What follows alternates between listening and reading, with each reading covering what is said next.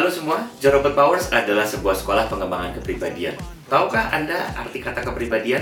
Kepribadian dalam bahasa Inggris adalah personality, yang akar katanya dari bahasa Yunani, persona yang artinya topeng.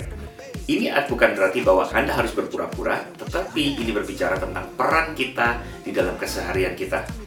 Dan biasanya topeng ini memiliki empat macam bentuk.